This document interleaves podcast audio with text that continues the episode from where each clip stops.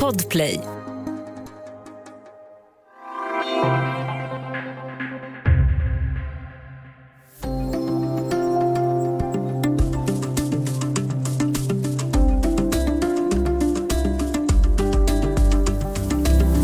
Kina krävs på svar om vad som har hänt Peng Shuai. Tennisstjärnan har inte synts till sedan hon anklagade en partitopp för att ha förgripit sig sexuellt på henne. Och de bilder av henne som skickats ut efterhand verkar inte tillförlitliga. Kommer fler kvinnor att våga träda fram? Och hur långt kan Kina gå för att straffa dem? Välkommen till Studio DN. Jag heter Sanna Thorén Björling.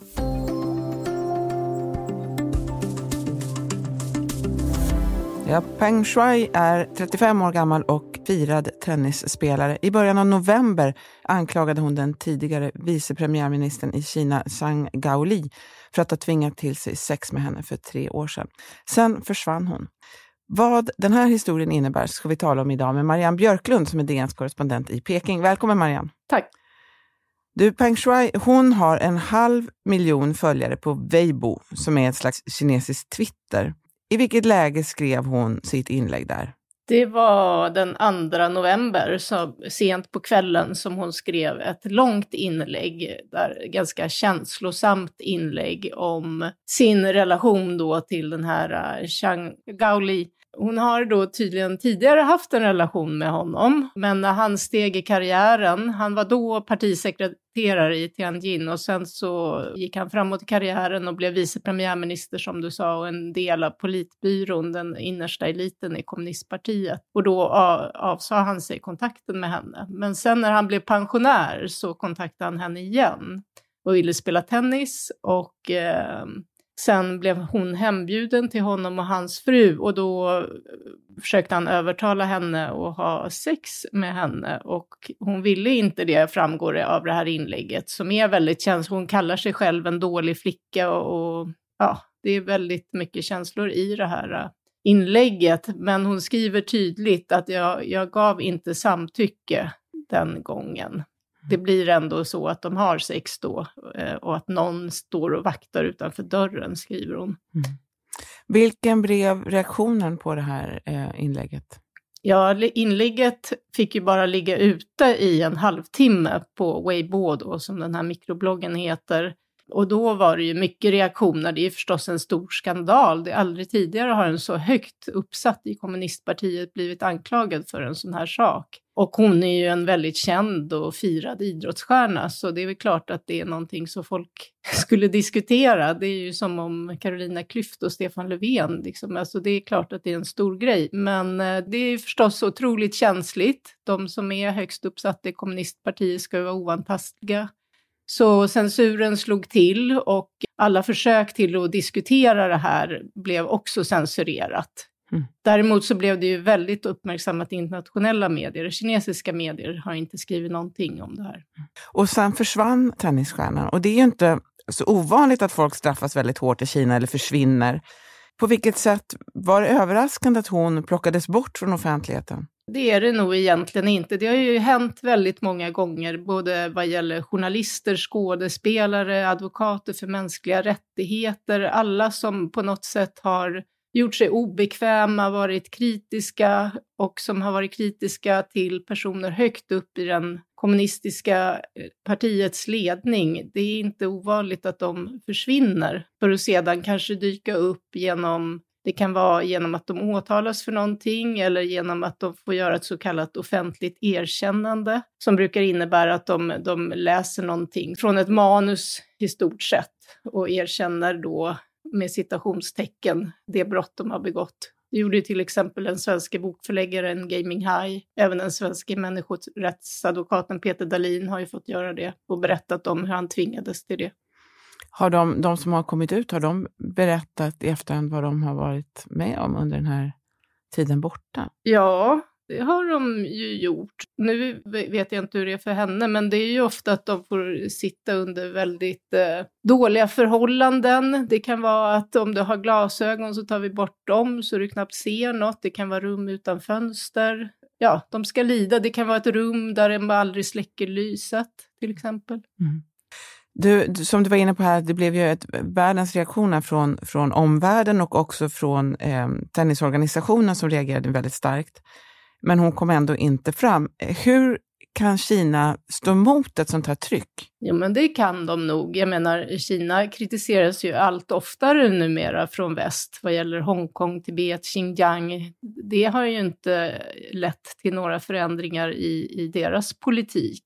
De brukar ju skylla på att ja, men väst håller på så här för att de, de ser Kina som ett hot. De vill trycka ner Kina. De är rädda att Kina är på väg att bli liksom störst och bäst i världen. Och de står emot det. Och här är det som sagt en, en högt uppsatt i kommunistpartiet och det tror jag inte de tolererar, att eh, en sån framstår som en person som begår sexuellt övergrepp. Det verkar inte så hittills i alla fall. Vad vet du om vad som har hänt Zhang Gaoli? Det vet man, det har varit helt tyst kring honom sedan det här inträffade. De som har försökt nå honom har inte haft någon framgång. Han har inte framträtt alls och det har ju som sagt inte skrivits om det här alls i kinesiska medier. Däremot har ju utländska medier uppmärksammat att han var aktiv i förhandlingarna om när vinter-OS, som ju ska invigas i februari i Peking, när, när Kina fick det så var han väldigt aktiv i de förhandlingarna. Och det har visats bilder när han eh, till exempel träffar Thomas Bach, IOK-basen. Så småningom så har det ju kommit vad som kan vara livstecken från, från Peng Shui med tillbakadraganden då lite grann i likhet som, om, om vad som har hänt tidigare. Eh, och det har publicerats ett antal bilder. Eh, vad, hur ska man tolka det? Ja, det är väl ett sätt att försöka lugna ner situationen. För det har ju varit en kampanj på Twitter, Where is Peng Shui? Liksom, och massor med stjärnor har skrivit och så. Det här är väl ett försök att lugna ner situationen, visa att hon mår bra. Hon har ju synts då vid en invigning av en ungdomsturnering i tennis där hon står och signerar jättestora bollar och hon har synts på restaurang och det har varit någon bild med henne där hon påstår sig vara hemma eh, med massa gosedjur runt omkring sig. Och eh, då i de här meddelanden då så säger hon att hon mår bra, hon är hemma och vilar och eh, hon vill inte ja, ha någon mer uppmärksamhet helt enkelt. Och det är väl ett försök då att få omvärlden att tro att hon är i säkerhet. Men det konstiga med alla de här meddelandena är ju att de har inte kommit direkt från henne utan de har ju kommit via statliga medier ofta och då visats på Twitter, som ju är förbjudet i Kina. Det här mm. skrivs ju fortfarande inte om i Kina alls. Just det. Och eh, VTA då, som eh, deras ordförande, som har sagt han försökt få kontakt med henne på alla möjliga sätt. Till, till honom har inte, hon inte vänt sig direkt. Just det, det är tennisorganisationen. Mm. Ja, exakt, för kvinnor. Mm. mm. Vi ska ta en liten paus och strax tala mer om vad kvinnor säger offentligt om sexuella övergrepp i Kina.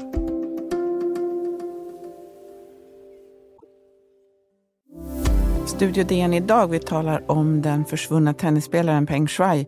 Och vi har med oss Marianne Björklund som är DNs korrespondent i Kina. Du som är i Peking, vad vet gemene man om den här historien? Kan, känner folk till det om man pratar med dem? Det är ju svårt att säga. Det är ju 1,4 miljarder här och de allra flesta skulle jag säga, tror jag inte känner till det. Däremot var det ju såklart, jag vet inte hur många, men eh, säkert några miljoner som såg det här inlägget innan det togs ner.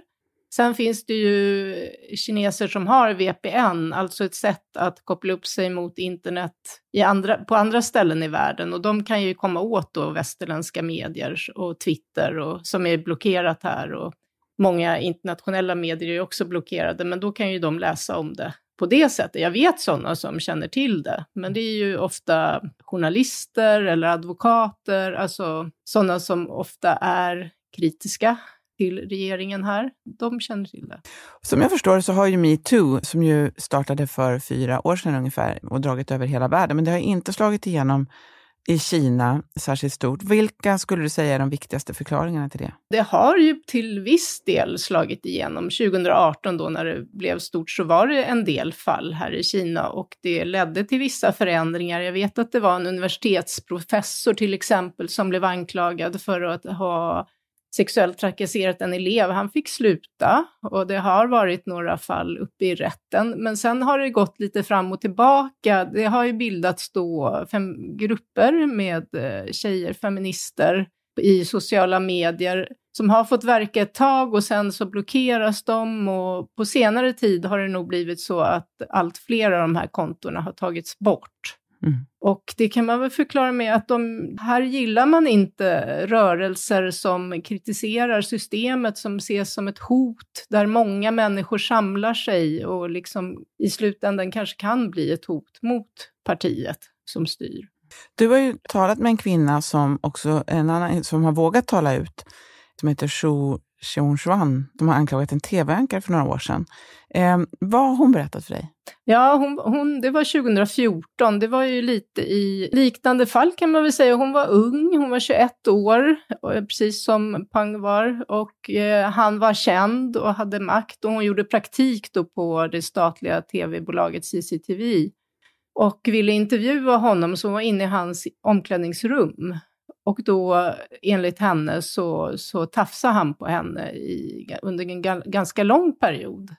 Och hon gick och polisanmälde det här då, 2014. Och eh, först så tog polisen henne på allvar, men sen efter en vecka så sa polisen att nej, men det här han, du vet, han är känd, han har många beundrare. Det skulle, de skulle inte må så bra om de fick höra om det här. Det är nog bäst att du att du lägger ner det här. Och de kontaktade även hennes föräldrar och ja, så då lät hon det ligga på is. Men sen 2018 när metoo blev stort, då drog hon igång det igen och eh, med stöd av eh, advokater som var redo att ta sig an hennes fall. Så då blev det faktiskt, eh, då tog hon det till rätten.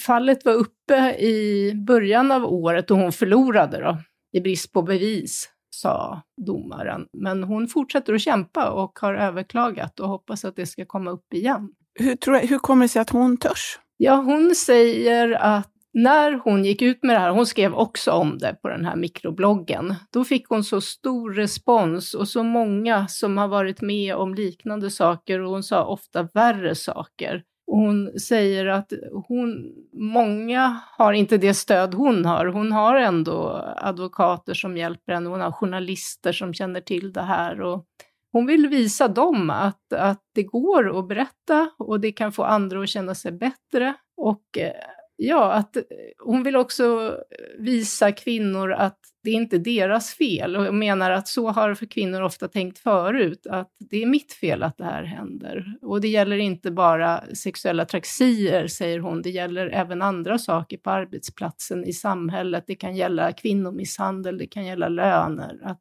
hon vill vara en förebild för andra kvinnor.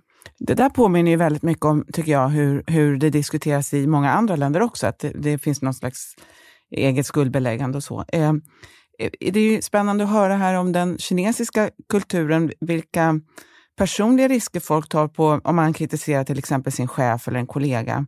I Kina, hur tas sådana anklagelser emot på en arbetsplats eller liknande? Det, det, är säkert olika från arbetsplats till arbetsplats. Det har ju som sagt hänt nu på senare tid att det ibland har avskedats män som har behandlat kvinnor illa. Sen händer det ju också att det inte tas på allvar. Och jag vet att jag har eh, läst om eh, mål om eh, misshandel i äktenskapet, att kvinnorna ofta får rådet att ja, men han har ju lugnat ner sig nu, ska han inte försöka ändå när de vill skilja sig och han har bett om ursäkt och så. Så det är nog inte helt enkelt att få rätt som kvinna här. Även, och först i förra året tror jag, tidigare var det lite luddigt i lagen, man har inte kunnat anklaga någon, någon direkt för sexuella trakasserier. Det kom först 2019, skrevs det in i civilrättslagen att det är olagligt. Så en liten förändring är på gång. Mm. Om man ser då, eh, det är en annan sak då om man går åt en känd person eller om man är känd själv. Riskerna, skulle du säga, blir de större eller mindre? Alltså, anklagar man någon som är väldigt känd så kanske man riskerar väldigt mycket. Å andra sidan så kanske man inte vågar plocka bort den. Man kan också få större stöd om man är känd själv. Ja, den här tjejen jag intervjuade har ju fått stort stöd. Hon har ju en liten fangrupp. Det stod ju till och med tjejer och demonstrerade utanför rättegångssalen när hennes fall var uppe i rätten. Och det har skrivits om hennes fall i, i kinesisk media i början inte nu vid senaste rättegången, nu, nu är det blockerat igen. Men det är möjligt att hon har ett litet stöd där i och med att det är så många kvinnor som känner till henne. Däremot tror jag i Pangs fall så det är för känsligt. Eh, visst, hon är känd, men, men att gå, gå mot en så högt uppsatt i kommunistpartiet, det tror jag det är svårare för henne i det fallet, mm. skulle jag gissa. Omvärlden är ju också lite, även om det har varit väldigt starka reaktioner, så tennis är väl en sak då, men då står ju som du var inne på, OS står om hörnet här. I vilken mån har den här historien kommit upp i samband med att man diskuterar OS? Ja, men det har den ju verkligen. Alltså det är ju många, redan tidigare så har det ju hörts röster som, som har manat till bojkott av OS i Peking och då har man ju pratat om att Kina bryter mot mänskliga rättigheter i Xinjiang, bland annat i Tibet också. Men nu kommer ju den här frågan också och då är det ju många idrottsmän och så som har uppmärksammat eh, vad som pågår i Kina. Och ja, det har liksom ökat trycket. Nu tror jag inte det kommer bli någon bojkott, alltså aktiva kommer ju inte bojkotta OS. Däremot är det ju allt fler länder som pratar om diplomatisk bojkott, USA till exempel, att man inte sänder några toppolitiker till OS. Och det är klart att det ser inte, Kina vill ju såklart att, att den här historien ska försvinna inför OS. Då vill man ju lysa och, och, och visa världen hur bra allting är här. Så det är väl därför man har gått ut med de här bilderna och försöker försäkra att hon är trygg och säker. Men det är som inte i, inte i något av de här meddelandena och inte heller i videosamtalet med IOK så nämns ju anklagelserna. Utan det, det enda som pratas om är att jag är säker och jag mår bra och jag vilar. Men man nämner inte det här med sexuella trakasserier mm. alls. Tror du att det skulle påverka Kina om, om det verkligen blev en, någon slags större bojkott av OS? Det är klart att de inte vill ha bojkott, men det, jag tror aldrig att de, de, jag tror inte de skulle visa att det påverkar dem. Jag, jag har läst en del ledarartiklar i kinesisk media som går ut på att det, det struntar väl vi i om, om inte USA vill komma hit eller vi kommer att ha vårt OS och det är ganska självsäker ton i de artiklarna. Avslutningsvis då, tror du att vi kommer att få veta vad som Peng Shuai har, har varit med om under den här tiden? Ja, det är ju svårt att säga såklart. Alltså jag tror inte att vi kommer, så länge hon är här i Kina så tror jag inte det. Jag tror inte hon kommer, hon har ju inte möjlighet just nu att skriva några fler inlägg på, på internet. Hon är ju blockerad, men det ska väl vara om hon eh, flyttar utomlands kanske, att hon skulle kunna berätta hela sin historia. Mm. Stort tack för att du var med idag, Marianne. Tack. Om du vill kontakta oss så går det bra att mejla till studiodn Glöm inte heller att prenumerera på Studio DN där du lyssnar på poddar. Studio DN görs för Podplay av producent Palmira Kåkaremenga, ljudtekniker Patrik Meisenberger och teknik Oliver Bergman, Power Media. Jag heter Sanna Thorén Björling.